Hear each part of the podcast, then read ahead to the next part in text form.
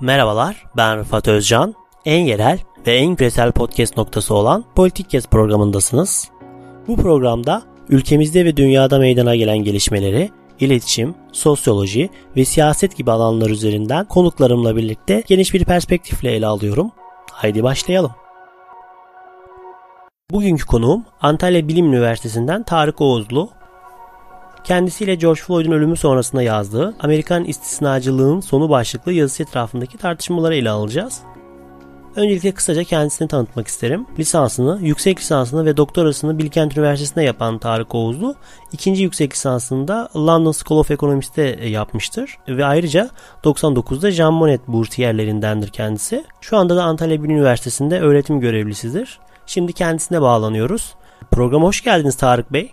Hoş bulduk Rıfat Bey. Yayınlar diliyorum. Çok teşekkür ediyorum davetimde kabul edip e, programa katıldığınız için. Bildiğiniz üzere bugün Amerikan istisnacılığının sonu başlıklı yazınız etrafındaki tartışmaları konuşacağız. ABD'nin dış politikasında iki önemli noktadan bahsediyorsunuz yazınızın başında. Birincisinin evet. e, liberal e, evrenselci bakış açısı olduğunu söylüyorsunuz. İkincisinde başka bir hegemonun ortaya çıkmasını önleyecek stratejilerden bahsediyorsunuz. Bunu biraz dinleyicilerimiz için açabilir misiniz rica etsem? Estağfurullah. Şimdi Amerika'nın kurulduğu yıllardan günümüze hiç değişmeyen iki tane dış politika amacı oldu. Bunlardan bir tanesi o yazıda da belirttiğim üzere dünyanın en önemli bölgelerinde kendisine rakip olabilecek bölgesel hegemonların çıkmamasını garanti etmekti.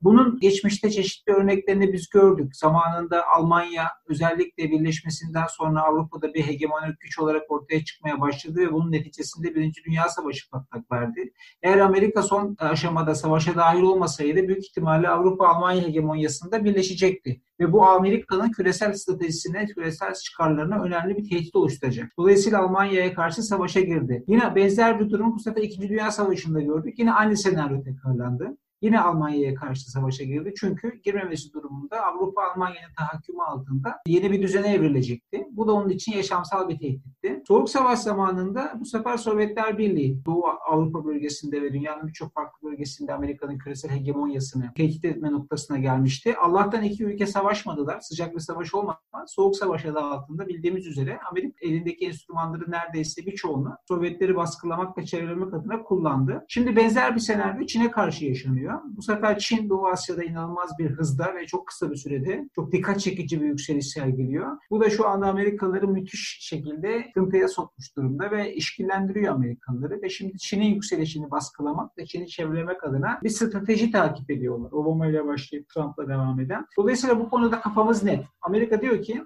dünyada tek bir bölgesel hegemon güç vardır. O da benim. Benim bölgem de kuzey yarım küredir ve diğer diğer önemli bölgelerde hiçbir küresel bölgesel hegemonun varlığını tahammül edemem. Bu birinci çıkarı. İkinci çıkarı e, Amerikalılar biliyorsunuz kendilerini liberal demokrasiye inanmaları, anayasanın üstünlüğüne inanmaları, işte e, insan haklarının evrenselliğine inanmaları noktasında istisnai olarak e, görüyorlar ve bu değerleri başka ülkelere yayma noktasında da kendilerine Tanrı'nın bir özel misyon yüklediğine inanıyor. Dolayısıyla kendi değerlerinin başka ülkelere yayılması ve başka ülkelerin kendi değerleri noktasında dönüştürülmesi Amerika için öne, ikinci en önemli dış politika çıkarı. Buradaki mantık şu, aslında biliyorsunuz Amerikalıların by default diyebileceğimiz bir e, kavram var İngilizce'de biliyorsunuz. Yani doğuştan getirdikleri temel şey nedir? Ee, özellik yani başka coğrafyalarda olan biten aslında pek fazla karışmak istemezler. Yani kendi işleriyle e, çok fazla ilgilenirler. Dünyanın başka bölgelerinde ortaya çıkan sorunlara müdahale etmek istemezler. Ortalama bir Amerikalı böyle düşünür. İşte öyle bir durum olsun ki Amerika dış olaylara müdahale etmek, müdahalede bulunmak zorunda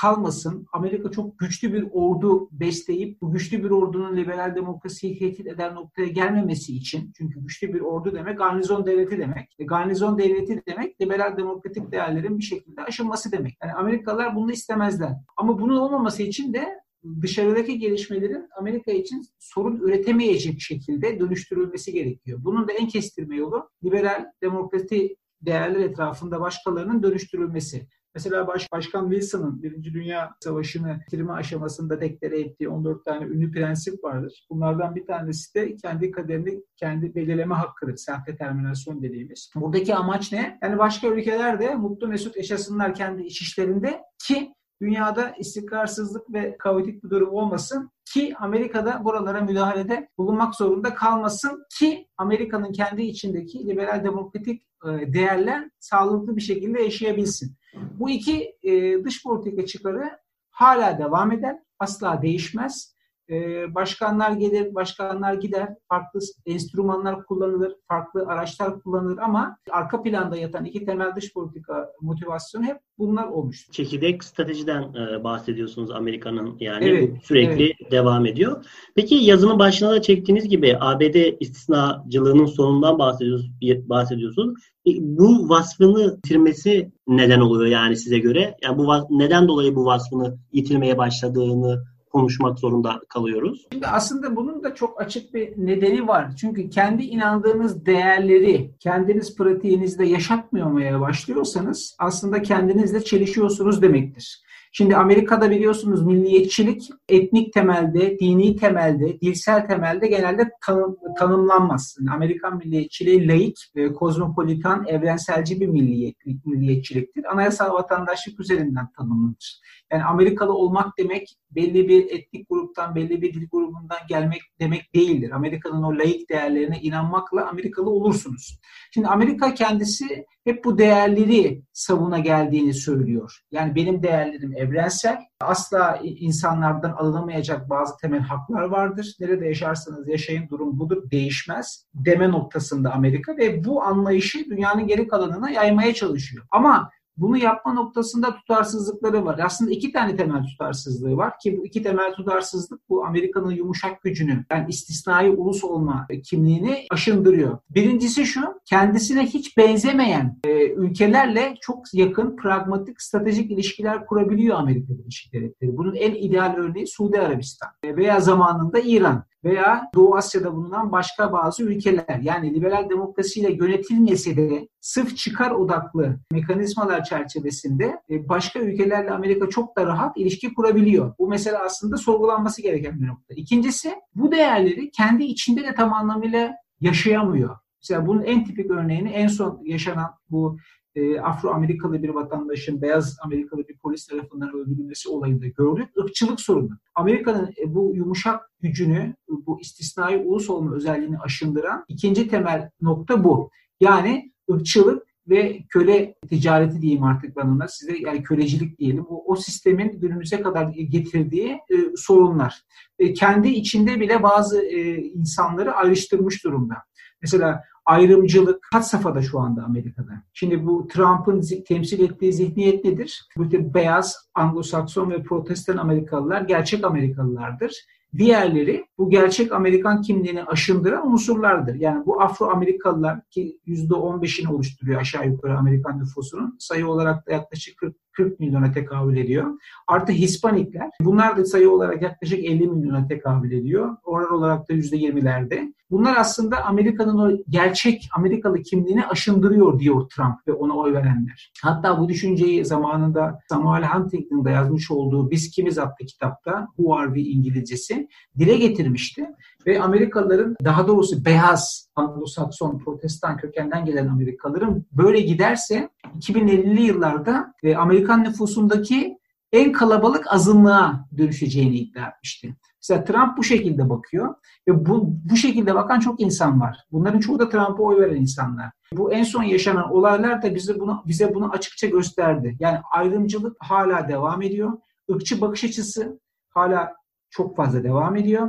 Hatta e, bunların da ötesinde e, Amerikan toplumunda kadın erkek eşitsizliği de had safhadadır. Yani göründüğü gibi değildir olay. Eşit işe eşit ücret almaz Amerikalı kadınlar. Amerika'da kadın erkek ilişkilerinize baktığınızda bunu çok rahatlıkla e, görebilirsiniz. Çok önemli şirketlerin başında kadınlar, Hispanikler ya da Afro Amerikalıları göremezsiniz. Önemli karar alma mekanizmalarında bu üç grubun temsilcileri yoktur mesela. Bunlar hep işte Amerika'nın kendi ayağına kurşun sıkması.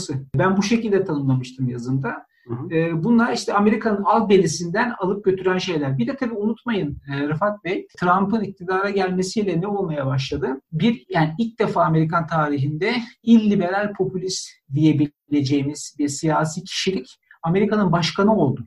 Yani 1945'li yıllardan günümüze o Amerika'nın savunduğu liberal uluslararasıcı dünya düzeni anlayışı Trump'la birlikte ciddi bir yara almaya başladı. Çünkü Trump milliyetçi bir söyleme sahip, Trump küreselleşmeye karşı, Trump çok kültürcü toplum anlayışına karşı, e, Trump serbest ticaret e, odaklı ekonomi politikalarına karşı yani bir şekilde izolasyoncu bir şekilde ülkesini biraz kendi içine kapatma noktasında hareket etmesi, e, etmeye çalışan bir lider. Bunlar da Amerika'nın o vaaz ettiği değerlerle uyuşmayan şeyler. Ben bunları önemli görüyorum. İşte bu en son yaşanan olay, bu siyah Amerikalının bir polis tarafından öldürülmesi adeta tuz biber ekti. Hı hı. Anladım hocam. Yine bununla bağlantılı e, ve sizin söylediklerinize bağlantılı bir şey sormak istiyorum. Yani siz yazınızda da işte iç, içinde geçmekte olduğumuz günlerde Trump yönetiminin içeride ve dışarıda ciddi meşruiyet krizleri yaşadığını söylüyorsunuz ve bunun da e, biraz da önce de bahsettiğiniz gibi geleneksel evet, Amerikan evet. değerleriyle de ve dış politikasıyla uyuşmadığını söylüyorsunuz. Ancak işte evet. yine biraz önce bahsettiğiniz gibi ırkçılık olsun, gerekse ABD'nin izlediği kendi değerleriyle çelişen dış politika olsun, otoriter rejimleri işte biraz öncesinde yine bahsettiğiniz gibi destekliyor Suudi Arabistan e, ve benzeri ülkeleri. Yani bunlar iddia ettiğiniz gibi hocam Trump yönetimi altında yeni bir anomaliler midir? Yoksa zaten süre gelen kronik ırkçılık sorunu veya ABD'nin izlediği realist bir dış politikasını politikanın yansıması olarak mı okumalıyız? Evet. Aslında çok önemli bir soru ve cevabı çok kolay olan bir soru değil. Cumhuriyetçiler şöyle davranır, demokratlar böyle davranır diyemeyiz. Bu ırkçı teamüller, milliyetçi teamüller, içe kapanmacı teamüller dönem dönem ara ara Amerikan siyasetine etki eder. Etmez dersek doğru söylemiş olmayız. Ama Trump'la olan bir ilk var. O da ne? 1940'lı yılların başından günümüze bu Amerika'nın iç ve dış siyasetini etki eden temel anlayışı ciddi anlamda sorgulayan bir lider Trump. Yani o aşırı elitlere, elit, elitlere karşı olan tutumu, küreselleşmeye karşı olan tutumu ve Amerika'nın e, başka ülkeler için bir rol modeli olma noktasındaki duruşu. Mesela bunları sorguluyor Trump. Trump ne dedi e, iktidara geldiği zamanlarda? Amerika bundan sonra artık kimseye kendi iç işlerinde nasıl yönetileceği noktasında vaaz vermeyecektir. Yani ulus inşası süreçlerinde bulunmayacaktır. Değer aşılama, değer empozisyonu sürecinde bulunmayacaktır. Çünkü Amerika'da aslında Trump'a göre istisnai bir ulus değildir. Diğer bütün uluslar gibidir. Veya diğer bütün uluslar gibi olmak zorundadır. Yani bizim de Amerikan milliyetçiliğini ayakları sağlam yere basar bir şekilde bir etnik temelde bir dilsel temelde, yerine göre bir ırkçı temelde tanımlamamız gerekir. Mesela Amerika böyle, Trump böyle düşünüyor ve Amerika'yı bu potada yeniden tanımlamayı düşünüyor. Ama bu Amerika'nın kurucu değerleriyle örtüşen bir şey değil. Yani tamamen onun dışında bir bakış açısı ve azınlıkta aslında bir bakış açısı. Çoğunlukta bir bakış açısı değil bu. Ve Trump bu noktada ısrarlı bir şekilde devam ediyor. Ve dış siyasetinde verdiği mesajlar da tabii her şeyden ve herkesten öte geleneksel Amerikan müttefiklerini bir anlamda rahatsız ediyor. Ki bu müttefiklerin arasında Avrupa Birliği ülkeleriyle e, Uzak Doğu Asya'da bulunan Japonya, Güney Kore, Avustralya gibi ülkeler yer alıyor. Niye? Çünkü o ülkeler neye alışmışlar? İşte bu Amerika'nın liberal uluslararası dünya düzeninin hamiliği rolünü oynamasına alışmışlar. Kendi güvenliklerini Amerika'nın sağlamış olduğu güvenlik şemsiyesi altında gerçekleştirmeye alışmışlar ve serbest ticaretten en önemlisi yani sınırların olmadığı, koruma duvarlarının olmadığı ihracata dayalı bir ekonomi büyüme modelinden çok istifade etmişler. Bu ekonomi modelinin sağlıklı bir şekilde işleyebilmesini hep Amerika'nın 2. Dünya Savaşı'ndan günümüze takip ettiği politikalar mümkün kılmış. Şimdi Trump bunları sorguluyor. Diyor ki artık kendi başınızın çaresine lütfen kendiniz bakınız. Yeterince zenginleştiniz, beni yeterince sömürdünüz. Bundan sonra artık ben kendi yoluma, siz kendi yolunuza. Bu tarz mesajlar vermeye başladı Trump. Ve bu anlamda birçok geleneksel Amerikan müttefikini karşısına aldı.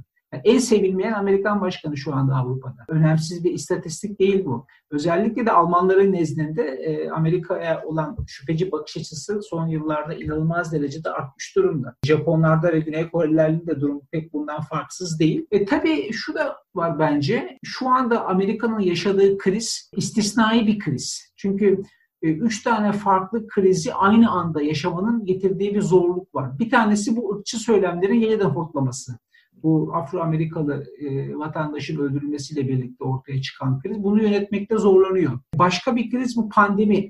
Pandemi neticesinde Amerika ciddi anlamda falso verdi demek lazım. Çünkü birçok farklı ülkeye nazaran iyi yönetemedi Trump bu krizi. hani bize bir şey olmaz noktasında çok ısrar etti ve gerekli önlemleri almakta gecikti. Çünkü Amerika'da biliyorsunuz ki sosyal devlet anlayışı yoktur. Devlet sağlık sektöründe pek fazla yer almaz. Yani paranız varsa ölmezseniz, paranız yoksa sürünürsünüz. Amerika'daki e, sağlık sektörünün bakış açısı bu şekilde. E bir de tabii pandemiyi e, kontrol altına alma noktasında e, ta, e, benimsenen ekonomi politikaları e, ekonomide bir durgunluğa, bir resesyona da netice verdi. Şu anda Amerika'da 40 milyona yakın insan işsizlik başvurusu yapmış durumda ve bu 1929 yılındaki büyük buhrandan sonraki en önemli kriz. Hatta bazı gözlemciler büyük buhranda, büyük buhranın da önüne geçtiğini söylüyorlar.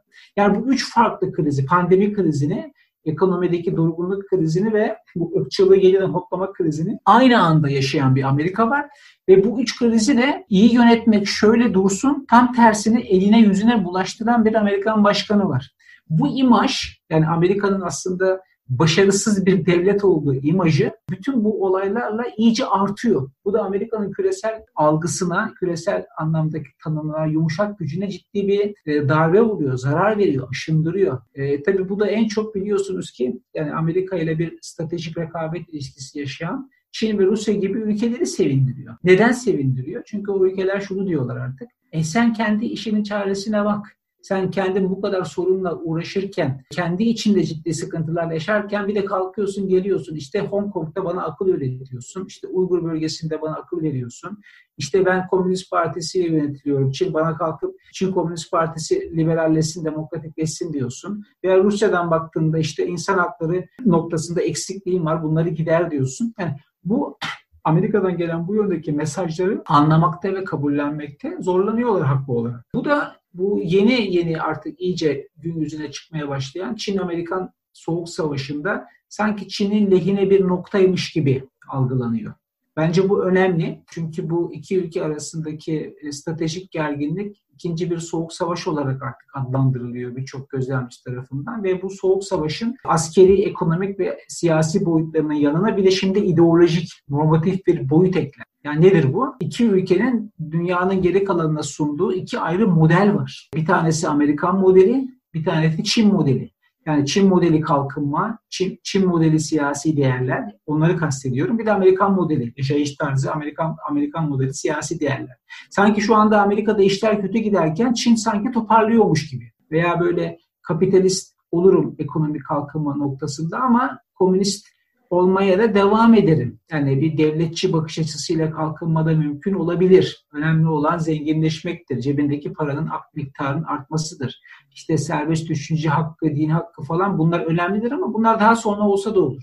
Mesela işte Amerikalılarda tam tersi bir bakış açısı var. Yani ne demek istediğimi ifade edebiliyorum zannediyorum. Yani bu Amerika'nın krizi yönetememe noktasındaki o kötü performansı istemeden de olsa dolaylı yollardan da olsa Çin'in ekmeğine bence yağ sürüyor. Bir de yani bu değerlerden, değer ihracından e, bahsediyorsunuz yazın, yazınızda. Yani bu aslında bugüne kadar ilk defa yaşadığımız bir şey mi? Onu sormak istiyorum. Yani çünkü daha önce mesela Napolyon Fransa'sında da yani bir dış politika amacı olarak böyle işte ulus devletin, işte milliyetçiliğin yaygınlaşması evet. E, bu mesela bir e, politik olarak izleniyordu. Ya da bugün e, yine bir örnek Çin'den bahsettiniz. Çin ister istemez o da kendi değerlerini yaymaya çalışmıyor mu? Özellikle bu pandemi sürecinden sonra işte bu pandemiyi otoriter devletler daha iyi yönetir adı altında bir PR evet. çalışması da yürütüldü. Yani bu Doğru. konu çerçevesinde neler söyleyebilirsiniz hocam bize? Aslında bence çok önemli bir noktaya parmak bastınız. O da şu. Yani büyük güçler dış politikalarında başkalarını dönüştürmeyi hedefleyebilirler. Başkalarını kendilerine benzetmeyi hedefleyebilirler. Hatta bunları hedeflemişlerdir de. Napolyon da bunu yapmaya çalıştı zamanında. Hitler Almanyası da bunu yapmaya çalıştı. Yani Hitler Almanyası'nın siyasi değerleri etrafında dönüştürmeye çalıştı başkalarını. E, Sovyetler Birliği komünist düşünceyi dünyanın geri kalanına yaymaya çalıştı. E, şimdi birçok insan sizin de söylediğiniz gibi Çin'in de aynı şeyi yapmaya çalıştığını söylüyor. Dolayısıyla diyor ki bu insanlar yani Amerika istisnai değil. Yani bütün bütün küresel aktörler böyle takılıyor. Aslında tam da öyle değil işte. Yani bütün büyük güçler kendilerini istisnai ve seçilmiş ulus olarak görürler. Burada bir sıkıntı yok. E, ama Amerikan istisnacılığı, Amerika'nın kendini seçilmiş bir ulus görmesi diğerlerine benzemiyor. Niye? Çünkü bu Amerikalıların artık kılcal damarlarına kadar girmiş bir düşünce yapısı olmuş. Yani Amerikan milliyetçiliği bu. Ama Fransızlar artık bu sevdadan bence vazgeçtiler. Yani e, Napolyon'la birlikte bu dönüştürmeye çalıştılar veya Birinci Dünya Savaşı sırasında ama artık Fransa imparatorluğunu kaybettikten sonra böyle dönüştürücü bir dış politika e, noktasında uzaklaştı. Daha real politik ve stratejik bir dış politika takip ediyor. Çin de öyle. Mesela Çin e, kendi komünist rejimini, kendi komünist siyasi değerlerini başka ülkelere yayma peşinde koşmuyor. Böyle bir adım atmıyor.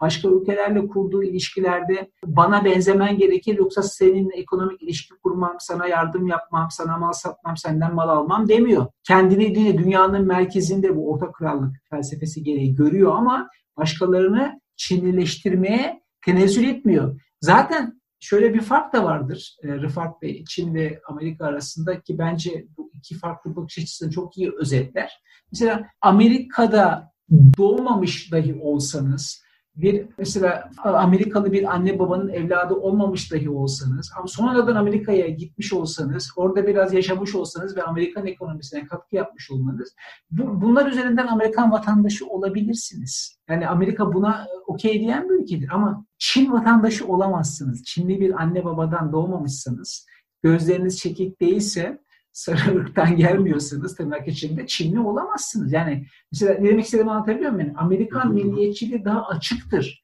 Yani başkalarını kendi içine alıp onu öğütmeye teşnedir. Yani buna müsait bir algısı vardır ama Çin'de bunu göremezsiniz. Rusya'da da bunu kolay kolay göremezsiniz. Yani o ülkeler daha işlerine kapalı ülkelerdir aslında. Bu anlamda işte Amerika istisnai bir ülke, istisnai bir ulus. Tabii şunu da bence söylemek lazım. Amerika özellikle Çin ve Rusya ile karşılaştırıldığında nispeten yeni bir devlet. Yani 250 yıllık bir devletten bahsediyoruz ve güvenlik endişelerini aslında üzerinden atabilmiş bir devlet değil. Çok paradoksikal bir şey söylüyorum. Nedir o? Dünyanın en büyük ülkesinden, en zengin ülkesinden, askeri anlamda en kuvvetli ülkesinden bahsediyoruz ama kendisini aslında güvensiz hisseden bir ülkedir aynı zamanda Amerika. Niye? Çünkü bir siyasi deneyle ortaya çıkmış bir devlettir. Sanki böyle laboratuvar ortamında kurulmuş bir devlet gibi ve bu devleti koruma noktasında aşırı bir hassasiyet gösteriyor Amerikan elitleri mesela. Özgüven eksikliği vardır bence.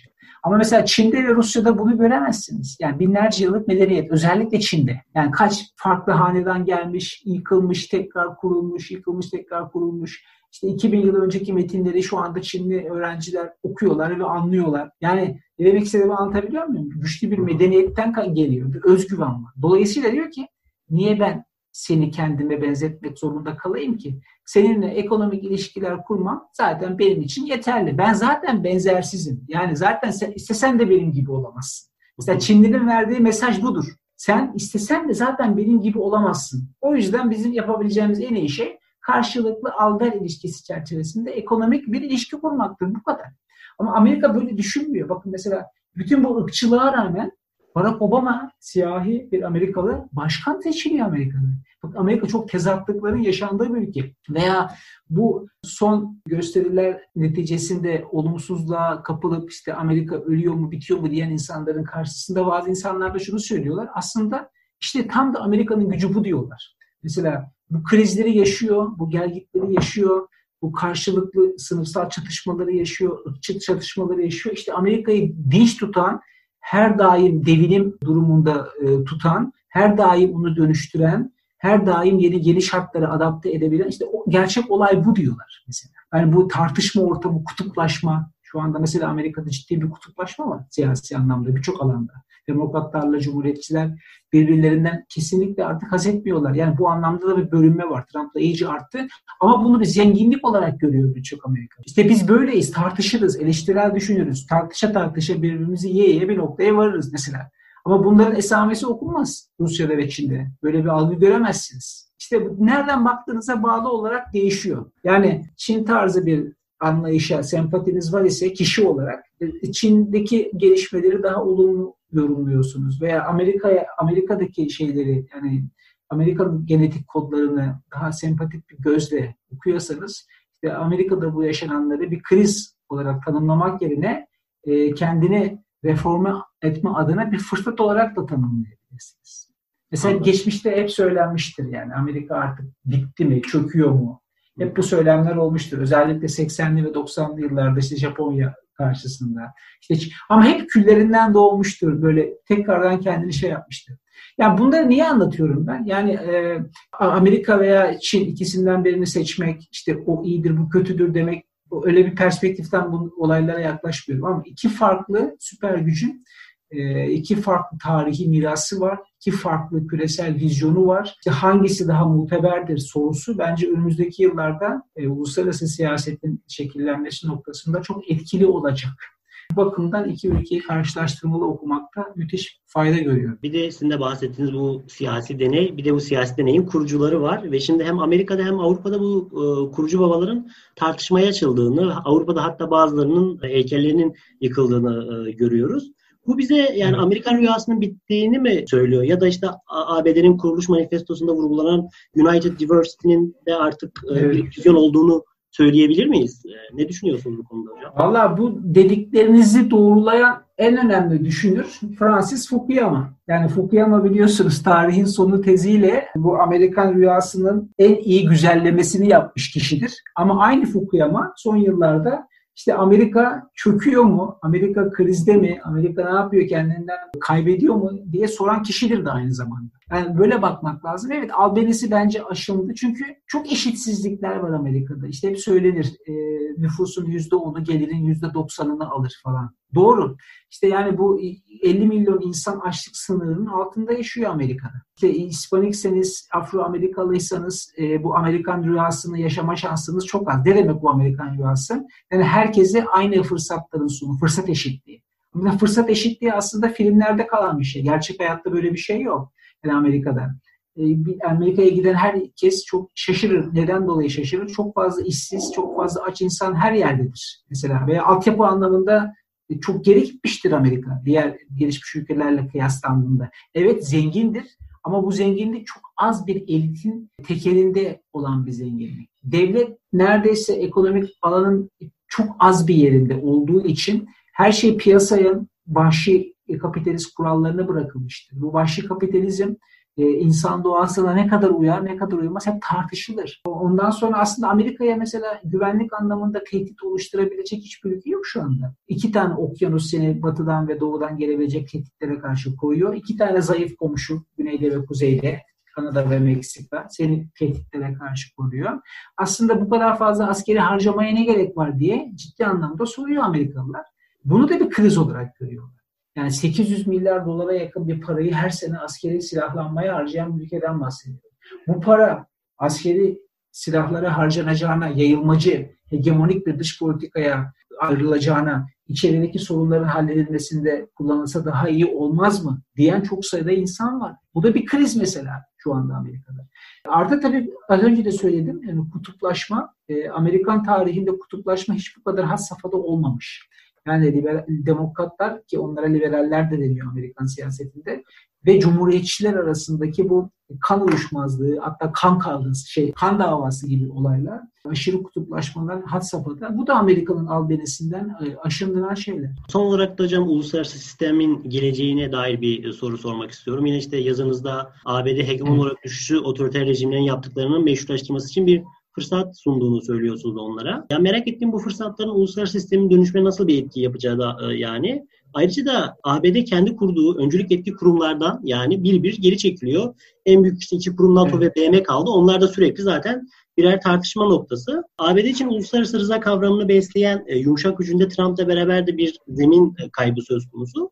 Bütün bunlara bakınca evet. yani büyük güçler dengesinin uluslararası sistemde nasıl etkileneceğini e, düşünüyorsunuz? Gelecek adına öngörüleriniz e, nelerdir? E, şu anda şöyle aslında şey, ilkeler, otoriter e, yönetimler şu anda revaçta dünyada. E, burası kesin. E, Amerika'nın zemin kaybetmesi e, sadece bir ülkenin dünya siyasetinde geri plana çekilmesi değil ama aynı zamanda liberal demokrasi anlayışının da zemin kaybetmesi demek. Bu noktada otoriter rejimleri daha bir ön plana çıkaracaktır Amerika'nın biraz böyle geri, geri plana düşmesi.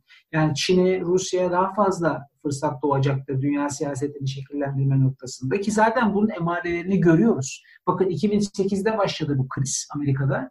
2008 ekonomik krizinden bugüne 12 sene geçmiş. Bu 12 sene zarfında Çin daha da güçlendi, Amerika daha da zayıfladı. Aradaki makas Çin lehine kapandı. Ve Çin'in maddi ve anlamdaki gücüne, maddi anlamdaki gücüne artan bir şekilde hevesleri, arzuları da geliştirdi. Şimdi açık açık Amerika'nın Doğu Asya'daki askeri ve siyasi varlığını sorguluyor.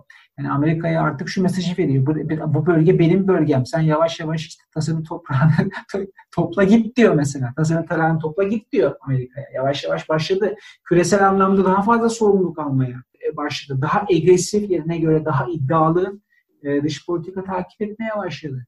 Bu bir e, fırsat verdi. Amerika'nın gerilemesi bir fırsat verdi. Bazı ülkelere, liberal uluslararası dünya düzenine haz etmeyen ülkelere bazı ülkelere de Amerika'nın geleneksel müttefiklerine özellikle korku verdi. Çünkü onlar istemiyorlar. Yani olası bir e, Çin veya olası bir Rusya patronajında yaşamayı istemiyorlar. Çünkü niye? Liberal uluslararası dünya düzeninden fayda elde ediyorlar. İşte Japonya bunların başında geliyor. Almanya bunların başında geliyor. İngiltere hakeza öyle. Avustralya öyle. Güney Kore öyle. Birçok Avrupa Birliği ülkesi öyle. Niye? Şundan dolayı. Şimdi mesela ben bir yazımda da belirtmiştim. E, bir konferansta da söylemiştik bunu. Hiç unutmuyorum. Bence önemli bir tespit olabilir. Ve Avrupa Birliği gibi ülkeler veya Japonya, Güney Kore, Avustralya gibi ülkeler otobur ülkeler. Ne demek otobur? Yani dünya siyasetinde askeri güç imkanlarıyla değil de ekonomik güç imkanlarıyla ve e, değerleriyle, kültürel e, değerleriyle bir yere gelebileceğini düşünen ülkeler. Bunlar ne isterler? istikrar üreten uluslararası örgütlerin olduğu, uluslararası hukukun olduğu, kuralların olduğu ve kuralların herkese aynı şekilde uygulandığı bir düzen isterler. Yani bir jungle istemezler, bir orman istemezler. Ne isterler? Bir zoo isterler, hayvanat bahçesi isterler. Dünya böyle olsun isterler. Avrupa Birliği de bunun da bir şeyidir, kendi içinde mikro ölçekli bir deneydir biliyorsunuz. Şimdi Amerika bir nedir? Etobur ülkedir. Çok açık ve net. Rusya bir etoburdur. Yani Çin bir etoburdur. Bu üç tane etobur ülke arasında Avrupa Birliği ve diğer otobur ülkeler ne yapacak? İşte mesela bu bence önümüzdeki e, yılların en önemli sorularından bir tanesi. Dünya siyaseti tam anlamıyla çok kutupluluğa doğru evriliyor diyemeyiz. Bu doğru olmaz. Ama iki ikili iki başlı bir çok kutupluluk var. Yani Amerika ve Çin diğer ülkelerden sıyrılıyorlar maddi güç imkanları neticesinde ama dünyayı kendi aralarında iki eşit parçaya bölecek kapasiteye sahip değiller. Yani Amerika ve Çin'in dışında kalan birçok ülke tarafsız kalabilme, e, her ikisini de idare edebilme lüksüne şu anda sahipler. Ve bu lüksü e, devam ettirmek, bu lükse sahip olmaya devam etmek istiyorlar. Çünkü seçmek istemiyorlar. Anlatabiliyor muyum? Çok açık. Japonya'nın ve Almanya'nın en önemli sıkıntısı bu. Çünkü bu ülkelerin çoğu e, Çin'le çok iyi ekonomik ilişkilere sahipler ama aynı zamanda Amerika ile tarihten gelen bir güvenlik ilişkileri var. Dolayısıyla her ikisiyle de pragmatik anlamda işbirliği yapar e, konumda olmak istiyorlar. Bu ülkeleri rahatsız eden en önemli şey nedir? Farklı o da şudur. İki Çin ve Amerika arasındaki soğuk savaş kızışır ve hem Amerikalılar hem de Çinliler şunu demeye başlarlarsa artık tarafınızı seçin, safınızı seçin, nerede doğduğunuza karar verin. Ha böyle bir baskıyla ortaya çıkarlarsa işte bunlar çok zorlanır. Şu anda işte bütün bu farklı dinamiklerin aynı anda yaşandığı bir e, zaman dilimi yaşıyoruz. Hocam programa katıldığınız için çok çok teşekkür ederim. Son olarak eklemek istediğiniz herhangi bir şey var mı? E, rica ediyorum. Çok keyifli bir sohbet oldu. Başarılar diliyorum bundan sonraki sohbetlerinizde de. Çok teşekkürler hocam tekrardan. Tarık Oğuzlu Hoca ile ABD istisnacılığının sonu ile ilgili bir verimli bir program gerçekleştirdik. Bizi dinlediğiniz için teşekkürler. En yerel ve en küresel podcast programı Politik Kesti dinlediniz. Bizi Spotify, Apple, Google Podcast üzerinden ve sosyal medya hesaplarımızdan takip etmeyi unutmayın. Yeni başlıklar ve konuklar için kulağınız bizde olsun.